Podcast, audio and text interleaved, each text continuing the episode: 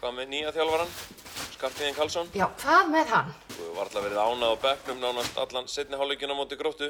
Auðvitað var ég ekki ánægð á bekknum. Ég heiti Einar Örn Jónsson og þú ert að hlusta á með afturheldingu á heilanum. En ég get alveg sagt það að ég á nokkur góð ár eftir í boltanum. Þriði þáttur, Esja.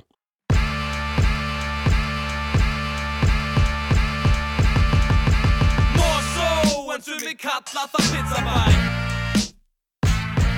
En svo bara upplifa svona smá, svona pín sorgarferði.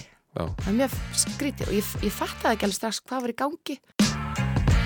líkams ímynd handbóltakvenna eins og annara íþróttakvenna er ekkert neitt til að lópa húru fyrir hún er svo bara fyrir eitthvað slök Skarpiðin notar gamaldags þjálfunaraðferðir. Eisi heldur matarbóð. Heklu finnst sambúðum við mömmu sína erfið. Brynja fær slæmar fréttir og Henry sem rekur veðmálasíðu dúkar upp á æfingu.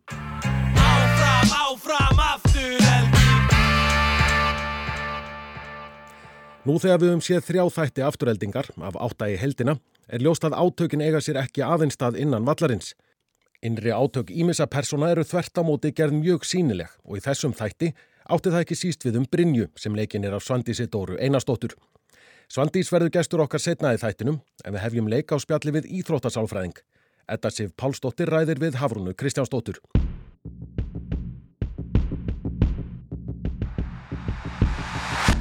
Hafrún Kristjánsdóttir marga hatta eiginlega fyrir þennan þátt. Þú ert fyrirvændi handbóltakona þú ert fórseti íþróttafræði deildar í, í HR eh, doktor í ert ekki doktor í einhverju líf eitthvað en ég segi samt alltaf sálfræði? Já, ég er líka prófessor Og þú það. uh, Já, ég er doktor í líf og læknivist en Einmitt. bara sálfræð, það er bara þannig, það er einfaldast. Akkurat. Hvernig finnst þér þessir fyrstu þrýr þættir af afturhaldingu það hafa verið? Er þið geggjær? Já, Ég hef ekkert eðlilega gaman að þessu. Og þetta er svona nostalgía ákveðin, ég er bara komin aftur sko þegar ég var í handbóltanum, þetta er bara þannig. Ég ætlaði einmitt að spyrja þig. Af svona þessari sviðsmynd svona sem er búið að teikna einhvern veginn upp af þessu samfélagi, Já, kannastu við margt? já. Sko ég byrja að spila í meistaraflokki 95 kannski. Mm hætti 2008 og svona 95 til 2003 eða eitthvað. Þetta er bara svona. Og margt reyndar sem gerist eftir það sem að er alveg, þú veist þú veist, allt sem gerist á mörgum árum er hana saman komið sko. Já. hann er pott þétt byggður á ákveðnum karakterum inn í handbóltarengunni Skarpir sér satt, Já, Komið hérna, við erum að tala um ykkur. og reyndar líka sveppi. Já. og frangöndastjórin einsi, eisi, það er típiskur svona, það er alltaf allt á haustnum sko, það hefur Já. alltaf verið þarf bara einhvern veginn að redda þessu öllu Og þetta, þetta er bara svo var svona sko, mjög margt Hún er löðursveitt. En þú eru búin að vera hérna að massa uppbytun upp á eigin spýtur meðan þeir eru búin að vera að segja kæftasögur. En ef við rínum bara svona aðeins í einmitt ákveðna parta af þessu, getum byrjað bara til dæmis á, á bara klefanum Já, og þessu samfélagi sem byrtist þar, bæði einhvern veginn milli stelpnana og svo sambandinu við í þessu tilfelli svona einhverja kallkynns þjálfara. Ég er ekki pappikar. Ég á ekki að þurfa að segja ykkur að gera hlutina. Hvernig svona kemur þetta þér fyrir sjónir? hann heldur einhverju svona þrumuræður uh, þú veist, eitthvað öskrandi mm þú veist, og ég hefði, þú veist, ég hefði, tvítu að ég hefði viljað hafa þennan þjálfara Já. eitthvað svona, men, eh, kannski ekki alveg þennan, en þú veist, þennan sem að þú veist, gat tekið eitthvað svona þrumuræðu og áfram berjast og eitthvað. Ég í dag, ef ég hefði setið í þessum klefa, ég hefði bara, er maður í vangin, sko, og hérna vinkona mín sem var spilaði með mér upp allt saman, hún fór sér sett í e, örfend alltaf skortur á þeim og það var einhverju meðsli og hún var í góðu formi þannig að hún, var fenginn til þess að leysa af í einhverjum leik og æfði þá vikun og eitthvað og átti bara svona að vera á bekknum á þeim tíma, sérst, hún hafði verið hægt einhver tíma og var orðin mjög hátt sett í stóru fyrirtæki, alltaf að díla við eitthvað svona kalla í hérna einhverjum stjórnendastöðum og, og hún bara í drakt allan daginn eða þau veitir, þessi típa í vinnunni, mjög hérna successful í því. Og svo eh, meiðist kom, sem að spila hennar stöðu, hennar hún þarf að koma þess inn í, inn í, í fyrirháleik sem hún bjóst ekkert við og endar þá inn í klefa. Og þar stóð þjálfarinn á garginu sem að hún hafi fílað geðveikt. Þarna var hún orðin 36 ára, þryggja barna móðir og, og mjög mikil frama kona í íslensku atvinnulífi og satt bara og hugsaði af hverju er þessi maður að öskra á okkur? Bara hvað er að gerast hérna? Mhm. Og bara og fílaði maður þetta einhvern tíman? Hvers konar samskiptahættir eru þetta? Já. Og þetta eru náttúrulega fárarlega samskiptahættir hérna, eitthvað starf annar staðar en í klefanum. Og þótti í lægi þarna og þykir kannski einhver leiti. já, já, ennþá. já. Þi, þú veist, þú ert bara inn í einhvern veginn þessari búblu og þetta er einhvern veginn svona viðurkent og þú bara jafnvel fílar þetta sko en hún kemur inn svona aðeins og ská og bara, hvað er gerast hérna? Hætti þessu kjaftaði. Notið orkuna í þessa æfingu hérna, ok? En í klefunum þá er þetta aksepterað og þetta er mér þess að rauninni nánast ætlast til þess að, að þjálfarar hæsi svona, þetta er bara eins og þjálfari á að gera, það var allavega gert, er eitthvað aðeins að breytast en samt. Samt talað um að Já. taka hárblásaran í Já, leikliði og, þetta allt saman. Og í klefunum sem skakkar milli stelpnana, þú einhvern veginn mátt segja bara aðeins meira þar, ef að er tröst sérstaklega, heldur en þú getur gert á vinnustað. Þú veist, ég sakna þess að vissi leiti að get ekki bara komið, þú veist, maður bara komið inn í klefa og sagt bara fokking hísjaðu upp um þig, afsakið, er ríkistuðspuna að blóta. Þú er bara með buksunar á hælunum, drullastu til að spila almenlega. Maga, þetta ekki svindla? Það gæti þessu auðmyggiskapina. Þú ekki bara að fara á landslýsæðingu, já? En nú er ég hérna yfirmaður á, á mínu stað. Getur ímyndaði myndi lappa bara inn að klefa til, nei hérna inn á skrifstof til hann Sissa sem að hérna vinnur í deildinni sem sé, djöfull var þetta léleg kennslusindið, viltu hísja upp um þig? Það veist, ég er reikin. Þannig að það er eitthvað svona frelsi í að geta gert þetta og, og það, Já. þú veist, og ef þú ert svona ákveðin stað að þá erfir það enginn við þig og þú veist, sérstaklega að þú veist ákveð tröst og það er allir að stefna saman markmiðinu og svona og maður bara, og þú er eitthvað segir þetta við, maður fær þetta sjálfur andlitið og segir maður bara, ok, fokk maður, ég, ég það er rétt, ég það er þessu upp um mig, Já. þú veist, ákveð frelsi því en þetta er á sama tíma bara úrslega skrítið svona þegar maður er í einhverjum öðrum takti. Og heldur að þetta sé að breytast líka? Ég held að þetta breytist náttúrulega miklu hægar þarna heldur en eitthvað staðar annar staðar. Mm Þegar við horfum bara líka ba- bandarinska bíómyndir, sko, ég meina hver kannast ekki af Al Pacino og hann að ræðuna. On this team, we tear ourselves and everyone else around us to pieces for that inch. We claw with our fingernails for that inch. Þannig að við svona ítum undir þetta, ég meina þetta myndi ekki líðast á vinnustöðum held ég flestum, þú veist, og gerði það kannski einhver tíman. Þannig að ég, ég held þetta sé einhverju leita breytast. Ég finn það allavega yngri íþróttamenn, þeir fíla ekkert að láta, ösk, eða margir yngri, ég ætla ekki að alhefa, að þeim finnst að öskra á sig og eitthvað svona skammir og eitthvað svona trillingur sko, sem var tekin á, á mig og okkur, þeim finnst það bara ekki í lagi. Þa, það er að breytast að einhverju leiti en ég vona samt að, að, hérna, að þetta geta sagt við eitthvað, hörru, hísjaðu upp um þig og bara gerðu þetta almennlega, þú veist, að það, ég vona að það breytist ekki. E, Þá er ég ekki að segja að það með bara segja hvað sem er við fólk, ég er ekki að tala um það, heldur bara að ég geti gaggrind einhvern, að ég hef trú á því að hann geti gert betur og því sé ekki tekið persónulega. Stundum vildi að væri hægt sko inn á vinstu. Þannig að þetta er svona, svo, svo eru þetta eitthvað grá svæði þarna og þetta er fín lína og, og allt það. En svo er þegar, þegar ég tala um þetta sko, þá er ekkit alltaf sálfra, sko, 40 og 30 ára gamli sálfræðingur en ég, ekkit sammála 25 ára boltabullinni mér sko. Þú veist, stundum, þú veist, það detti ég sig hvað helvíti svæli er í þessu ungu kynslu og bara hvað auðmíkjaskapur, þú veist, og svo hugsaði, nei, sálfræðingur myndi segja, já, þetta er nú ekki nógu gott rannsóknir sína, þú veist, Já. þannig að ég er ekki alveg alltaf sammála sjálfur mér í þessu, en, en samt, ég vona að, að þetta geta sagt, bara komið fram hreinskilið og, og jafnvel hækka rómin á þess að það sé eitthvað stórmál að haldi áfram, en þetta að þjálfara sé eitthvað garginu, það kannski er stundum svolítið skrítið.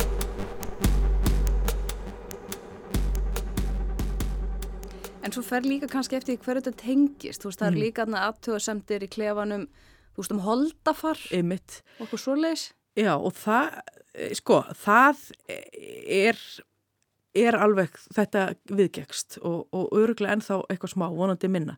Ég, meni, ég man eftir eftir nokkrum svona atvikum, ég man eftir að hafa verið að spila æfinguleik við, við lið uh, og það var einn stelpa sem að held að hafi verið svona 18 ára, 19, mjög efnileg á þessum tíma og hún var bara, hún var bara með stóra með mér sko, mm -hmm. þú veist, hún var uh, alls ekki feitt en, en stóra með mér og svo gerir hún einhverja fyndu hægt eða eitthvað svona og, þjálfuvarinn hennar sem sagt öskrar, hrefða á þér helvítis fjósið þarna. Þú veist það var náttúrulega að vísa ég hann sem er stóran rass fjósið. Og, og svona eitthvað svona lingo. Ég man líka eftir því að við höfum spilað við var En mannstu hvernig hún tók því að hún ferði Já, hún bara horfði á hann og bara áfram gagg sko, hún sagði að það var enginn sem sagði neitt. Nei, nei. Og hérna ég man samt, þarna var ég aðeins eldri sko og þess ég man ég tók eftir þessu, fannst þetta svona uh, ég man líka eftir að, að hérna, uh, við vorum í val vorum að spila á móti liðið og það var einn sett, stuðnismæður eða hvort hann var liðistjóri eða eitthvað svo les, hann var alltaf okkar tengdur liðinu sko uh, og hann skrifa alltaf svona bloggfæslur og það bloggið var vinsælt og það sem var svona eins og leikskísli eða svona fréttumlega, svona fór yfir leikin og hérna var náttúrulega hlutur og alltaf með það og þá fór hann yfir sérst holdafar uh, nokkra leikmann í val og það, sérst, það sumir mm. væri bara á feitir og eitthvað svona. Henna, og þetta var bara á internetinu. Ég man eftir þessu og hérna og það eru pottit einhver fleiri dæmi. Þannig að já og svo ég gerði nú rannsók sko fyrir einhverjum árum á svona fleirum uh, um, um svona ádraskanir og, og body sérst, ímynd, líkams ímynd uh, íþróttakvenna og kalla og meina íþrótt líkams ímynd handbóltakvenna eins og annara íþróttakvenna er ekkert neitt til að lópa húra fyrir hún er mér svo bara fyrir eitthvað slög mm -hmm. og ég held að það tengist í mitt svona hlutum sko að hluta til mm -hmm. En maður hefur líka oft heyrt sérstaklega frá einhvern veginn köllum, oftar, oftar kalla sem eru þjálfa konur heldur en öfugt mm -hmm. að það sé allt öðruvísi að þjálfa konur heldur en kalla Já. Og það sé einhvern veginn þar sé annar kultúr, þú veist, það með segja aðra hluti eða ekki segja eða, eða þetta allt saman. Já, sko, ég held að það sé minni munur að konur og kalla en margir halda. Mm -hmm. uh, að minnstakosti í svona afregslið, en svo er þetta alltaf mísamt millir liða. Ég man alveg eftir að hafa verið í liði þar sem að, að, að þú veist, það var alltaf svolítið drama og þessi saði þetta og eitthvað svona sko, þú veist, þetta geta sagt bara, heyrðu séð uppið og drullastu til að gera betur, það var ekki alveg aksepterað sko Nei. og það var svona eitthvað, þú veist, eitthvað svolítið svona vesen og, þá horfið maður að kalla liðið sem að voru í svona kempur og þeim tíma Geir Sveinsson og Valdi Gríms og þeir bara gáttu drullaði eitthvað annan og ekkert mál og og nú tala eins og það sé bara rosa flott að geta drullaði, ok, ég vona fólk skilji hvað ég er að, hvað ég er að segja Já. Uh, en svo allir með setna, allir með þessi í, í hérna, í mann, þú veist, í liði sem að rappa skúla, Anna Úrsula og fleiri voru í sko, uh, þá var þett, þessi kultúr bara held ég mjög svipar og hjá köllunum. Mm -hmm.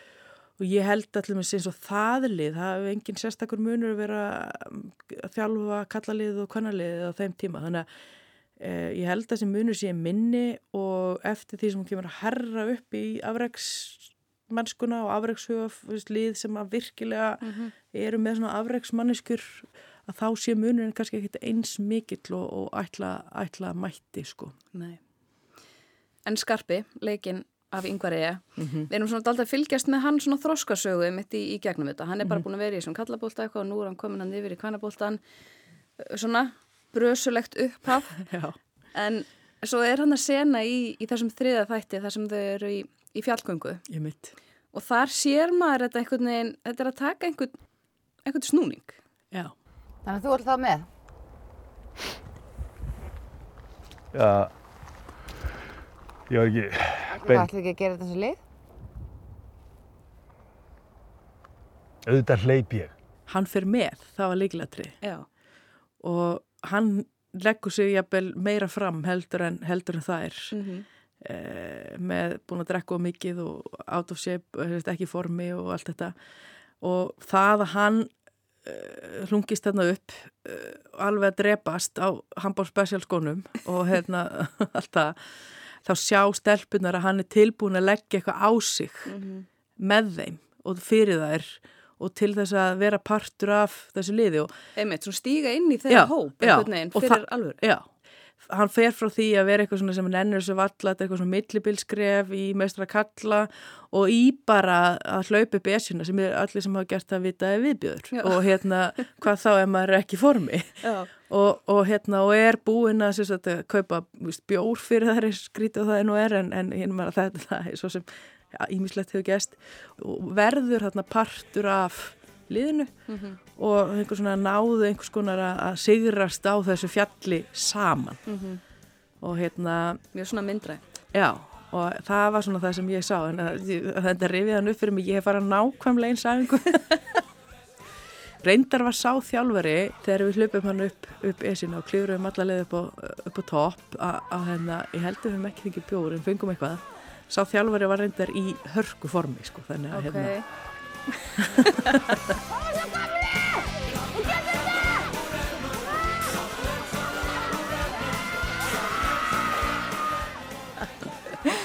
En það er líka margir svona, eða fleiri svona, e, svona einhvern veginn sálfræðilegir þættir. Þú veist, það er þessi staða Brynju sem er svona einhvern veginn atvinnumann þarna inni.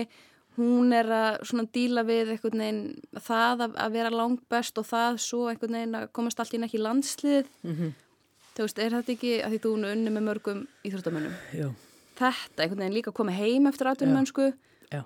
og svo þegar þú dettur út úr landsliði. Já. Er þetta ekki eitthvað sem þú þurft að gangi í gegnum með, með einhverjum eða? Uh, jú, kannski ekki alveg svona íkt eins og þegar hún komst ekki í landsleiði sko, það var en, Hefur enginn trillst mætt á, mætt á landsliðsæðingu? Nei, uh, ekki, nei, ég held að ég get allavega ekki með henni, ég var í landsliðinu og ég hef ekki heyrt að því, ég hef, væri örglega búin að heyra því en fólk hefur alveg trillst en svona kannski ekki alveg sko, kannski bara heima eða eitthvað og, og við einhverja Þú verður ekki ólétt, myndi ég fucking berja þér! Er ekki allir lægin með? Þegiðu! Er ekki allir lægin með þér? En já, þetta er, þetta er nefnilega sko áhugavert að því að uh, það að vera atvinnumæður íþróttum og vera svo komin heim sem er þá yfirleitt út af því að það gekk ekki nógu vel úti eða þú ert bara orðin svo- svolítið gamall að þá er e, og ert svona svolítið kongur eða drottning uh, sérstaklega þegar að það er ekki margir atvinnumenn í íþróttinni eins og er kannski í handbóltanum og þú kemur heim og það gera og þetta gera allir ráð fyrir því þú sért yfirbyramaður Mhm. og þannig að pressan verður óslega skrítin þegar finnst þú þurfa að skora hérna, þú veist, tíu mörg þú er kannski eina sem erst að fá borgað eða eina þremur eða eitthvað, eitthvað svo leiðis og svo bara gengur þetta bara einhvern veginn ekki upp og líka leikstílinn ólíkur og eitthvað og, og ég man bara sérstaklega eftir einni stelpu sem að akkurat þetta, það, hún reyndar var mjög hömbul sko, að þessi var ekki svona mi- eins mikil drottning og hérna og Brynja. Uh, en, en það, þú veist bara fannst þetta mjög erfitt og fannst hún þurfa skora tíu mörg úr 11 skotum og, og þetta er sem ég hef líka oft talað við um þjálfara sko, ég meina ok, ég meina hún er, eða hann er frábær í íþróttinni en ég meina hvernig passar viðkomandi inn í liðið, þú veist? E, það verður ekki balans í, í liðinu, þannig að stundum er jafnvel betra að sleppa að fá svona leikmann inn að því að balansin í liðinu fer alveg úr skorðum sko.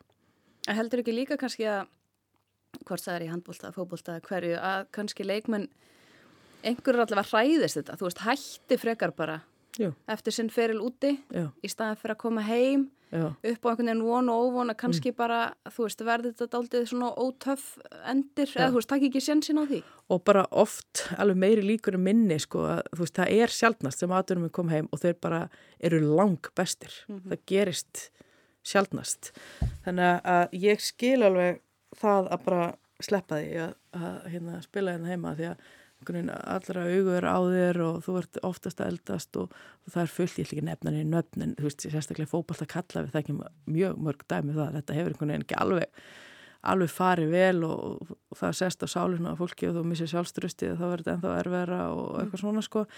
Það er, ég myndi svona helst þeir sem bara elska að spila fótbolta eða handbolta eða korubbolta þú veist, þeir, þeir eru bara að koma heim ekki til að dominera eða þú veist, einhvern veginn að þeir þurfa að fá innkomuna eða eitthvað, bara þeir bara fyrst leikurinn svo skemmtilegur Og það er alveg sama kannski um Já, einhvern já. íslasmestari titil. Já, sem bara elska að mæta á æfingar þannig að þú veist, það er kannski frekar það, þú veist, svoleist típur sem maður myndi segja, já, go for it, en, en hitt þá, ertu bara að svona sætta þig við það, það kannski þú, þú veist, þú ert bara að koma inn í allt annan bolt, annað tempor með öðru sér leikmunum, þannig að þú veist, og maður sér mjög oft í, í að þessi leikmunum verður oft pyrraðir, sko, því að, þú veist, tímasetningar á hlaupum og svolítið sjá að samherjum er bara ekki eins og þeir voru vanir í síðustu tíu ár í einhverju miklu sterkari deild og þannig að þetta er, þetta er alveg svona já, þetta er, þetta er ekki alveg þannig að bara við komum til ósla góður í íþróttinni og þá verður þetta geðvegt, það er ekki þannig. Og þá er mitt kannski eru líka þessi samtöli eins og sem Brynja á bara þannig í í klefanum, þú veist það er kannski einhver annar í þessu liði sem er bara búin að hafa handbólta að einhverju bara áhugamáli Já. eða skiluru, hefur Mhm. ekkert einhvern veginn, er bara komin einhverju allt öðru umhverju og með einhverja allt aðrar væntingar til þess að vera í einhverju svona liði. já, já. og fjáröflunin Góðan dag. Við höfum að bjóða að kaupa klósettpappi til styrtar uh, handknallingstildar afturöldingar mestraflokks. Hvenna? Það var svona bara, ég bara, já, einmitt alveg rétt að því að það er bara að þegar, veist, ef að kemur eitthvað svona inn að það það bara stjórnin að bara, heyrðu, ef, að liðið á fjárabla sem er bara eiginlega mjög oft allavega í handbóltanum Mhm. bæði kalla og hvenna það bara skiptir engum áli þótt að þú hefur spilað í þýsku deildin í tíu ár þú bara fjárabla líka Já, bara selur þinn rækjupakka. Já, það er ekki, veist, ég man eftir einhverjum svona dæmi sko þegar við vorum Já. Það er bara ekkert verra fyrir mórarinn heldur en að sá sem fær mest borgað Já, akkurat er latastur það er bara, nei takk sko seld þú klóspappir og rækjunar og allt þetta Góðan dag. Höfum okkur bjóða að kaupa klósettpappi til styrtar mestraflokks afturöldingar í handbólta. Er þið ekki með rækjuna lengur? Nei, því miður. Það eru svo mörg svona atriði í þessum þáttum, einhvern veginn, sem manni finnst svo svona eitthvað raunverulega, við erum búin að fara um mörg. Mm.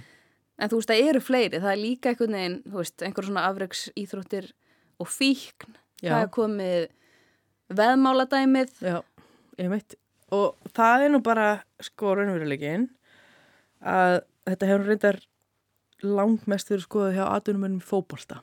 Mhm. og sérstaklega þá kallkins atvinnumönnum. Þeir eru alveg sér á báti sko að tíðinni áfengisvandamála hjá fyrirverandi atvinnumönnum í fótbolta hvort sem þeir eru að spila sko efstu leveli eða bara þú veist einhverju svona atvinnumenn í fyrstu til í Þísklandi eða eitthvað að tíðni áfengis vandamála eða svona áfengis og fíkni eða áfengis og, og dóp hérna fíknefna vandamála, þannig að fyrst og fremst áfengi er bara alveg ótrúlega há líkunar að þú farir í eitthvað áfengisbull eftir, eftir feril eru bara tölvöld miklar. Af hverju er það? sko uh, sjálfsmyndin byggir fyrst og fremst á því að þú ert afriksmaður í Íþróttum. Ég er hérna atvinnumæður handbólta og besti leikmaður Íslands og, og bara allt þetta sko. Og ég fæði gífulega aðtikli og allt þetta. Og það er það sem ég er. Svo hætturu eða hvernig, svo hætturu þá ertu bara glemdur á sko nokkur mánuðum. Og það sem þú ert er farið. Sjálfs, bara, sjálfsmyndin var að þú værir handbóltamæður eða fótbóltamæður svo bara ertu það ekki lengur. Og oft bara kannt ekki á venilegt líf þú ert ekki búin að undirbúa lífið eftir ferilinn. Sem konur gerir mitt miklu frekar, miklu frekar. Og, hérna, og það er hafa vinna í alltaf með og, og eitthvað Mhm. svona og þá bara situr einhvern veginn eftir bara í hálfgerðu tómi. Þú varst stjarnar, þetta bara glemdur þú hefur einhvern veginn ekkert sjálfsmyndin farin, þú veist bara ekkert alveg hvað þú ert lengur. Þetta er þetta ekki allir en þetta er mjög algengt. Mhm. og þá fer fara margir að defa sig með áfengi. Mhm.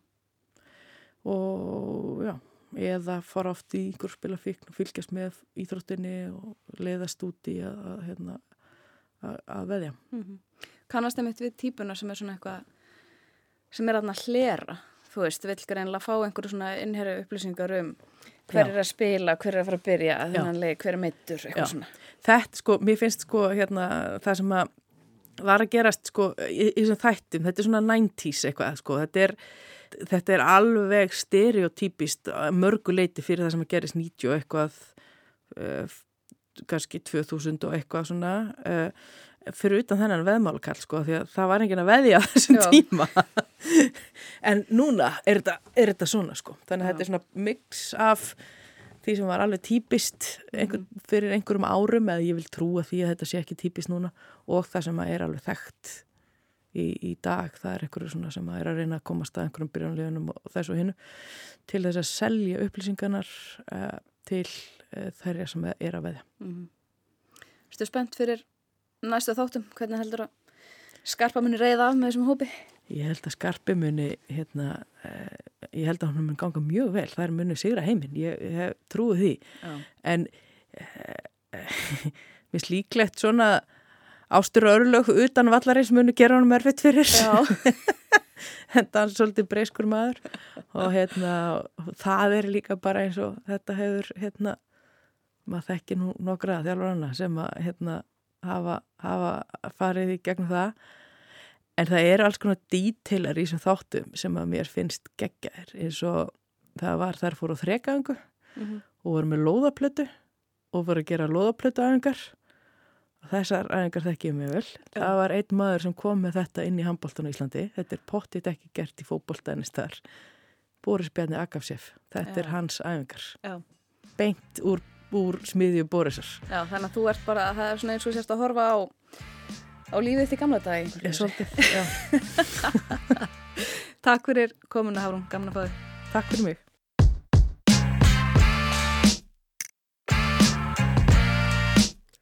Hafrún Kristjánsdóttir íþróttasálfræðingur spjallaði við Eddu Sif Pálsdóttur en næst ekkur Gunnar Birgisson við. Hann fekk leikonuna Svandísi Dóru Einarsdóttur í hljóðstofu.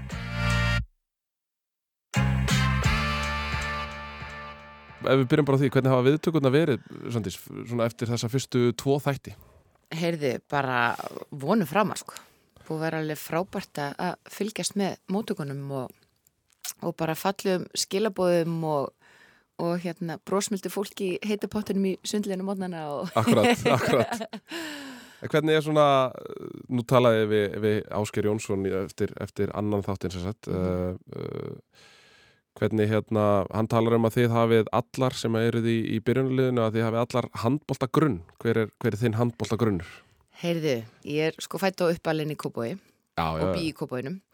Þannig ég var í breyðablík í handbolta þegar það var ennþá handbolt í breyðablík. Það er svo langt síðan sko.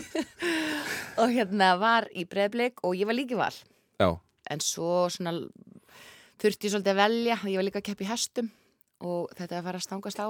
já, Þannig að hérna svona túneringar á og mót. Þannig að ég valdi hestana.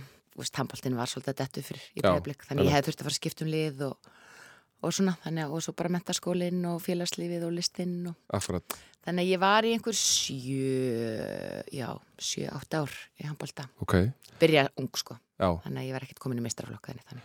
En þú, svona, ég verða að gefa þér að þú fittar bara, þú veist, ég, ég hefði bara ekki geta fundið betri einstaklingliklega til þess að fitta í þessa kategóri að vera einhvern veginn svona, þú veist, handbólta að kempa einhvern veginn á svona komin svona aðeins, þú veist uh, farin að eldast aðeins Já. og svona einhvern veginn er að glíma við alveg hauga meðslum sínismanni og eitthvað svona Einmitt. uh, Þetta hlýtur að hafa verið bara gefið fyrir, fyrir, fyrir þá sem hafa voru að sjá um kastingið þannig, eða ekki? Uh, já, ég, sko, þetta er búið að vera mjög langt ferðalag. Uh, gaman að segja frá því að ég og, ég og Dóri, Dina, við erum búin að þekkja síðan við vorum samansast í listaháskólanum. Og svo vorum við í tökum á borgarstjórnum og við erum að leika saman þar. Akkurat. Og það er mjög skemmtilegt moment. Ég vona ég sé ekki að brjóta ykkur trúnað já, fæ bara skálir Við eigum að vera því hér. Já, já, algjörlega, ég, hérna, já, það er engin stoppar á mér. Allavega, við erum sérst í tökum og við setjum við stórborð í höfða og sena sérst fyrir borgstjóran og Dóri eitthvað svona pekkar í mig og, og horfir á mig á milli taka bara ekki vil svo til ólíklega til að þú kunnir eitthvað aðeins í handbólta og ég bara eitthvað, í- í- jú. Ég var bara geðveitt góð og ég bara, með þetta skilur og, og hann bara svona fölnar og svo róðnar og svo bara trillist hann, bara, ertu að djóka, ertu að djóka? Og svo bara, já, við erum tilbúin í aðra tökku þú veist, en það tók alveg svona nokkrar pásur á milli taka, þar sem hann var að senda ykkur SMS og ég var bara, Dóri, hvað er að þér? Hvað er að? Segðu mig hvað er í gangi? Mm. hann bara, nei, byrju, ég þarf að tala hatta eitthvað, uh, og að geta æstur og þá sérst kemur ljós að þeir voru hérna, byrjar að skrifa þess að þætti og hérna, og höfðu mig sérst í huga og hérna voru búin að leita hans svona ráleikinga og fengu þá svona aðtöðsendir að þú getur ekki gert þetta nema leikonan kunni eitthvað í handbalta Já. sem er alveg satt og þeir bara fokk og hérna, já, en svo vildi til að ég kunni eitthvað aðeins í já, og svo fór sem fór. Og þetta er sko sumari 2016 þetta er svo langt síðan. Já, Já, og þú veist og þeir náttúrulega voru bara að byrja að skrifa og hérna og voru bara að segja um fjármagn. Og þetta tekur svona langa tíma. Þetta er búin að fara í gegnum marga síur, bara handritið og sem er geggjað. Þannig ég er búin að fá að vera með bæði allavega veit ég ég og yngvar eru búin að vera alveg frá upphafi svolítið, akkurat já Og að því þú nefnir yngvar, ég meina, þá getum við alveg eins bara farið að hella okkur í, í svona í söguna. Ef maður pæli djúft í það, þá er þetta kannski ekkert ólíkir karakterar nema, þú veist, þeir eru svona, maður sér það að þetta er svona, það er svona ákveðin fullkonunar árátta hjá þeim báðum. Einmitt. Uh, þetta eru gamlar hetjur sem að átta sig á því að það er kannski ekkert allt og langu tími eftir. einmitt, Að þetta er svona, finnst þér, finnst þér svona Brynja svolítið endurspeglast í, í Karlkins einhvern veginn útgáfu hjá yngvar eða? Já, sko þau eru svolítið svona sikkur hliðin á sama penningnum. Hann svona kannski spila ekki alveg rétt Nei. með sín spil. Uh, ekki það að hún sé að gera það endilega sjálf, sko. en hérna er kannski ennþá sem að voni henni. Uh, jú, en þetta er, þú veist, ég lít fyrst og fremst á hana sem bara íþórtamann og Mm. það er erfitt fyrir íþórtamenn, hvað er konur og kallar, að svona það líka með fyrir hans að gefa sig. Og, og hérna sérstaklega í svona brútal sporti og keppnisýþrótt Mhm. að það er bara ógæslega erfitt. Þú veist líka að vera svo háður þessu kikki. Mhm. þú veist, þú ert háður þessar spennu spennufíkn fyrir leiki endorfínu, dópaminu sem kemur með hreyfingunni og með þú veist, hérna, og svo svona release eftir leik. Þú veist, þannig að þetta er bæði rosalega andlegt og, og svo náttúrulega bara, þú veist, kemist í líkamannum Já. þannig að þetta er rosa erfitt og þú veist, ég er búin að tala við fullt af frábæru íþróttufólki sem búið að hérna, vera mér innan handar þess að hjálpa mér að komast inn í þennan hugarheim og, og svona skiljana Einmitt. og svo að vera kona að því hún er líka berjast gegn hérna, þú veist svolítið svona staðal ímyndum og að bara þeirri staðreind að konur hafa í gegn tíðina þurft að lúta svolítið í lægra haldi fyrir Sannarlega.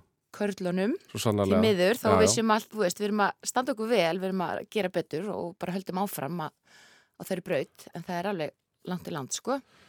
En, en svona að því að núna við að ræða þetta eftir þennan þriðja þátt sem er svona þátturinn það sem að mér finnst svona karakterinn svona brjótast hvað mest út. Það eru, uh, það eru vandræði, ég meina hún hefur svona virðist vera takmarkaðan tíma fyrir, fyrir svonsinn. Uh, hún er að upplifa það að, að hún er að upplifa þessar risa höfnun að, að vera ekki valin í landslýshópin. uh, ég ætlaði einmitt að spyrja þig, sótturu innblástur einhverstaðar, þú veist, er svona, heyrður í einhverju, eins og þú segir, heyrður í einhverju íþróttafólki sem hefur lendið í einhverju svipuðu, þú veist, eða, eða er þetta bara einhvern veginn að koma sér í karakter? Um, bæði. Já. Ég leitaði til fólks, ég ætla bara að lasa mig til og svo leitaði til ákveðna einstaklinga sem ég ætla ekki endilega að nefna nafn, eh, bæði kalla, kalla og, og hvenna og, en hérna, já, þannig ég fekk alveg heyra sögurnar og svo get ég bara ímynda mér það út frá, þú veist, henni sem karakter að þú veist Brynja Bjarna, hún það er rosalega erfitt, ég var reyna að skilja hana okkur hagar hún sér svona, þú veist, og þannig að kemur í ljós þú veist, þetta er, þetta er rétt að byrja hjá henni, sko við erum Akkurat. bara, hérna, já, hún, hún heldur Þetta er á fyrstu stigum. já, já, að hérna því ég var að áttum á bara, okkur, þú veist, okkur hagar hún sér svona þú veist, mér langar bara að skilja það er rosalega erfitt bara sem mannskja, hvort sem það er íþróttum eða, þú veist, eða listamæður ég tengi alveg það að þegar þú skilgreinir sjálfan þig, þú veist, hver þú ert í raun og veru, bara Mm. þinn innsta kjarna ef þú skilgreinir það út frá því sem þú gerir, út frá hæfileiku þínum Já. þú veist, mun fólk ennþá elska mig þó ég get ekki lengur verið í landsliðinu, eða skiluru Akkurat. eða, þú veist, verði ég elsku þó ég hætti að komast í splitt Já. eða fattaru Já. og það er svo hættulegt, bara sem manneskja að skilgreina sjálfa þig út frá því sem þú gerir Mhm. í staða fyrir bara hver þú ert sem manneskja og hún er bara ekki, þú veist, hún er ennþá þar og Mhm. hún er bara allt sitt líf er hún búin að vera best í handbólta og þú veist, hún er bara Brynja Bjarna og fólk elskar hana að því að, að hún heldur Já. að því hún er góð í handbólta Einmitt. og nú er það að veist, það tekið frá henni og hún er búin að fórna já, ég veit ekki alveg hvað ég má segja sko eða þú veist, þið sjáuð alveg að, að ég meina hún er skilin, Já, já. frekar nýskilin Já. og það, veist, það mun alveg koma í ljós Já. en þú veist, ég meina hún er búin að fórna basically öllu fyrir handbóltan Akkurat. og svo fær ekki eins og símtal það sem hún láti vita þú veist, hún er bara fyrir landslýsins þú veist, hún er bara Óli Stef Já. þú veist, bara reyðari, Óli Stef Já. og ekki eins búin að vinna eins mikið í sjálfur skilurðu. að hérna að fá svona rýtingi baki þú veist, hún, hún bara upplifur þetta sem Já. svakaleg svik Já. og þú veist, og það er svolítið erfitt að það, þú veist, þín sjálfsmynd bara henni kift undan þér, það reynur allt Einmitt.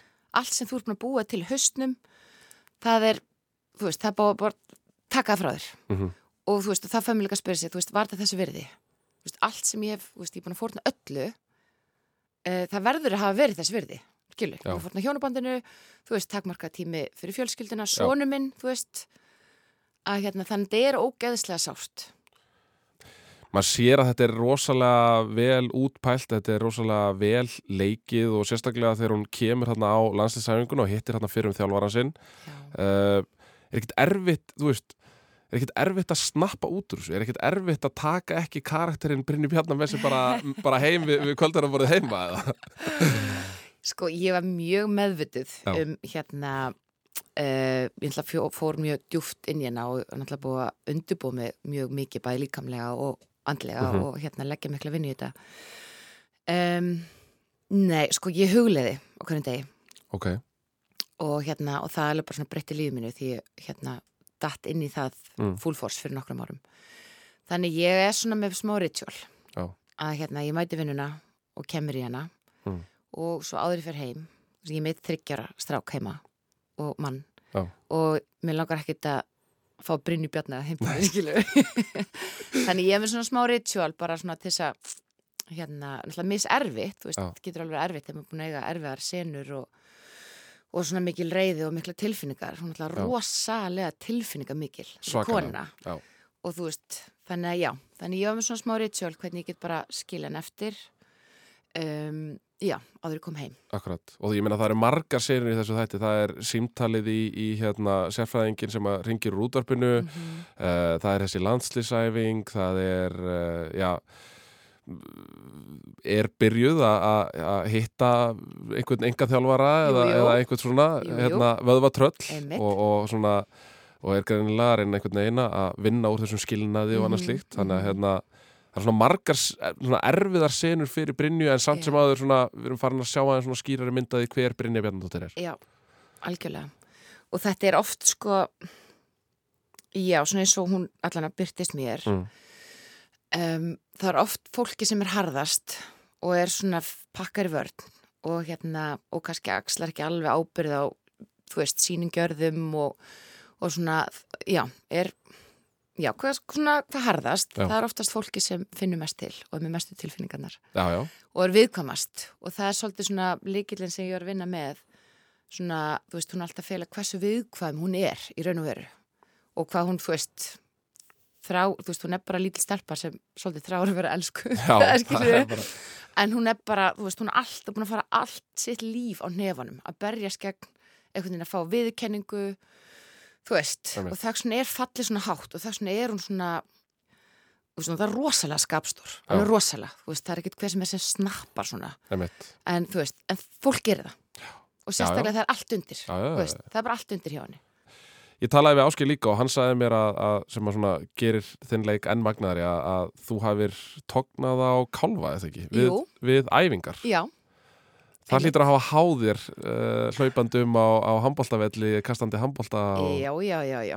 Ég sko, hérna, hún ánáttúrulega að vera með hérna, meðisl og svona, þannig ég fór svona ó, hérna, gegn mínu vilja í method acting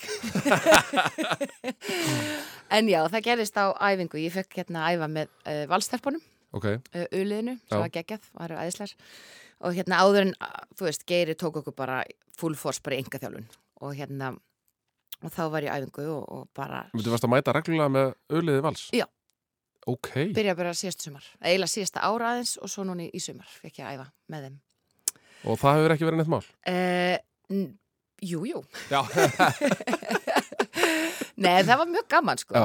En þú veist, ég manum, þú veist, ég mætti að fyrstu æfinguna og, og ég hugsa bara, herri, ég er bara ennþá með þetta Já.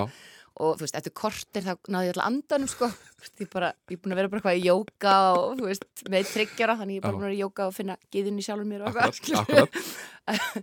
En þú veist, um leið og ég fór í skona og fekk törun í hendurnar sko Þá svona brust upp gamla svona Já. Gamli trillingurinn sko Já. Uh, já, þetta var sérstaklega sko um, leikurinn uh, sem var í öðrum þætti. Já.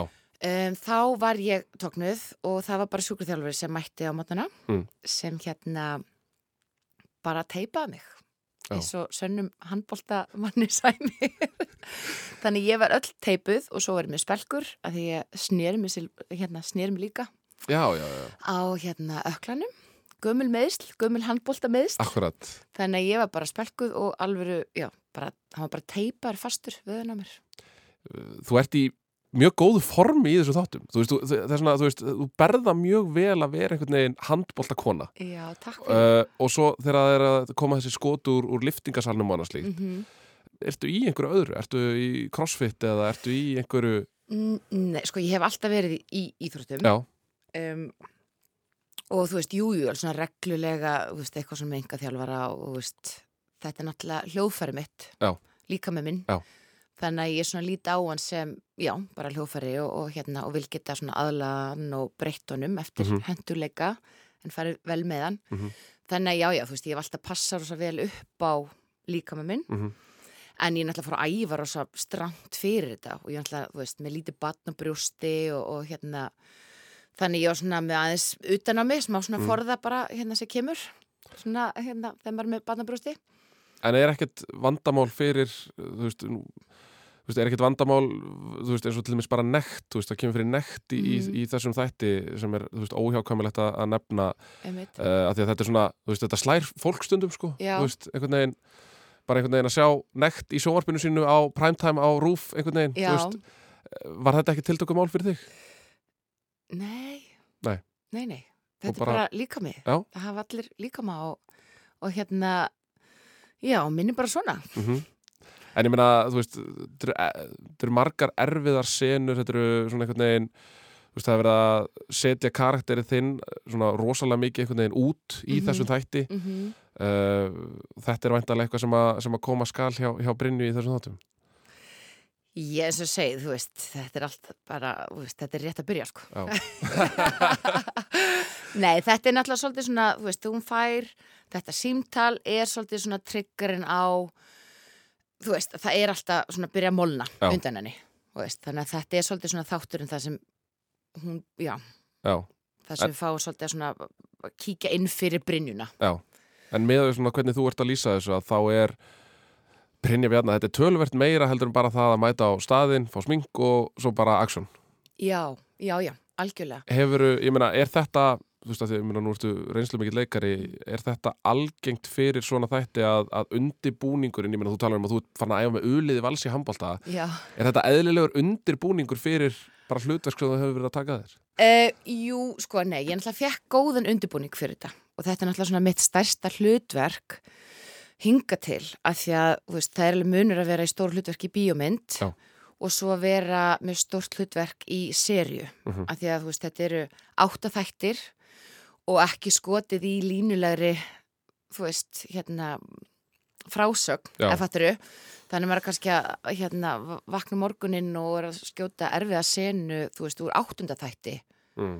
Um, þetta er svona lengri undirbúningur. Þú veist, ég þurfti að vera með rosalega skýra sín. Þú veist, ég vissi nákvæmlega hvað hún var orkulega, hvað búið að gerast. Þú veist, ég var bara Mhm. með mínar bækur sem ég hef búin að skrifa allt í, ég var svona litla minnisbók sem ég var alltaf með í vasanum. Þannig að, þú veist, leiðu við hoppið minni segunir þá vissi ég nákvæmlega hvað ég fari í gegnum bara, þú veist, sinnaður undan. Já. Þannig ég var búin að mappa allt í hausnum að mér, Mhm. algjörlega hennar ferðalag. Og þú veist, og það kemur, þú veist, ég geta gert þetta, þú veist, fyrir tíu árum því ég var ný útskrifið. Þú veist, þetta kemur líka bara með reynslu og reynslu og setti. Þannig að þetta er aðeins öðruvísi vinna, þetta er kannski svona stækkuð útgáfa af því að leika í bí bíómynd. Það er svona aðeins öðruvísi. Uh, er einhverja svona eftirminnilegar sögur af setti, er eitthvað, svona, er eitthvað sem að stendur upp úr í þessum tökum? þetta var bara magnaferli Mm. og þetta er, þú veist, þetta er að því ég er búin að vera svo lengi þú veist, þetta er búin svo langt ferðalag Mhm. og það er svo gaman að sjá að ég veit hvað þetta er, þú veist þetta er svo stórt fyrir eins og Dóra og Hatta sem eru búin að vinna þessu síðan 2015 minn mig að þú veist þannig að fólk átti sig á vinnunni á Já. Þetta og ég er bara óendanlega þakklátt fyrir það að þeir tristu mig fyrir henni að þetta er náttúrulega bara magnaður karakter Mhm. og þú veist, þetta er svo stór saga þetta er ekkert saga bara Brynju þetta er bara saga Kvenna, þetta er saga handbolta þú veist, veist, þetta er svo miklu stærra heldur en bara Brynja Bjarna, þetta og mér finnst þér hafa náð að gera það og bara ég las handritið ég, hugsa bara, þetta er svo, þetta er svo þart Mhm. og það er svo gaman og þú veist, þetta er svo hugrægt að Mhm. fara þessa leið en sko þetta var bara geðveikt ferli Mhm. og ég er ógislega þakklátt fyrir það. Og þú veist, það var erfitt, skemmtilegt, alls konar eins og það er. Og það var ós að skrítið eftir á. Þú veist bara þau voru búin að skjóta. Spennufall. já, það, við, við kallum svona post-production blues. Um, og ég var búin að undirbúa mig undir það. Og svo vissi ég sko við áttum tvær sinnur eftir, þrjá daga samtals. Mhm. sem við þurftum að taka upp núna bara í mars Ok. að því að við þurftum að býða eftir að snjúri myndi fara. Já, já, já. og við náðum ekki að klára að skjóta nokkra útsinnur þannig að þú veist, ég gat ekki hvart hann alveg. Við, veist, við klárum að skjóta í lók januar og þú veist, og röppum. En ég vissi, þú veist, ég, ég þurfti að halda hárinu. Ég gat ekki hvart hann alveg. Þannig að fyrst fannst mér erfitt. Svo fannst mér svolítið næs að þurfa ekki að kveðina alveg strax. En svo bara upplýja svona smá svona pín sorgarferli. Já. það er mjög skrítið. Og ég, ég fattaði ekki alveg strax hvað var í gangi var bara eitthvað svona blúsuð, ég vissi alveg já, maður er bara blúsaði vennilega en það var þetta svona pínu sorgarferli að því að maður er búin að vera eitthvað með fjölskyldunni þú veist, maður er bara með sér, bara með fjölskyldu á setti, þú veist, sína kvikmynda fjölskyldu og þú veist, og bara indislegt krú leiksturar, þú veist, meðleikarar og já, maður fór, eða, ég fór bara, tala fyrir sjálf mig, Já. fór í gegnum svona smá blús Já. og ég var rosa svona hári orku það tók mig langa tíma bara svona hú, slaka. Já. og svona kjarna mig.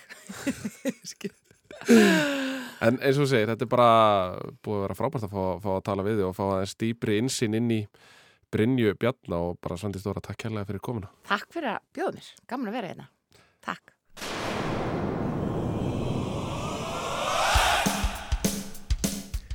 Svandi Stóra Einarsdóttir í leikona en hún fer með hlutverk Brynju í afturheldingu og rætti hér við Gunnar Birgisson.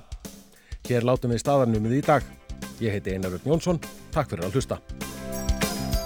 Afi gamli sagði stundum sög Um sæfara í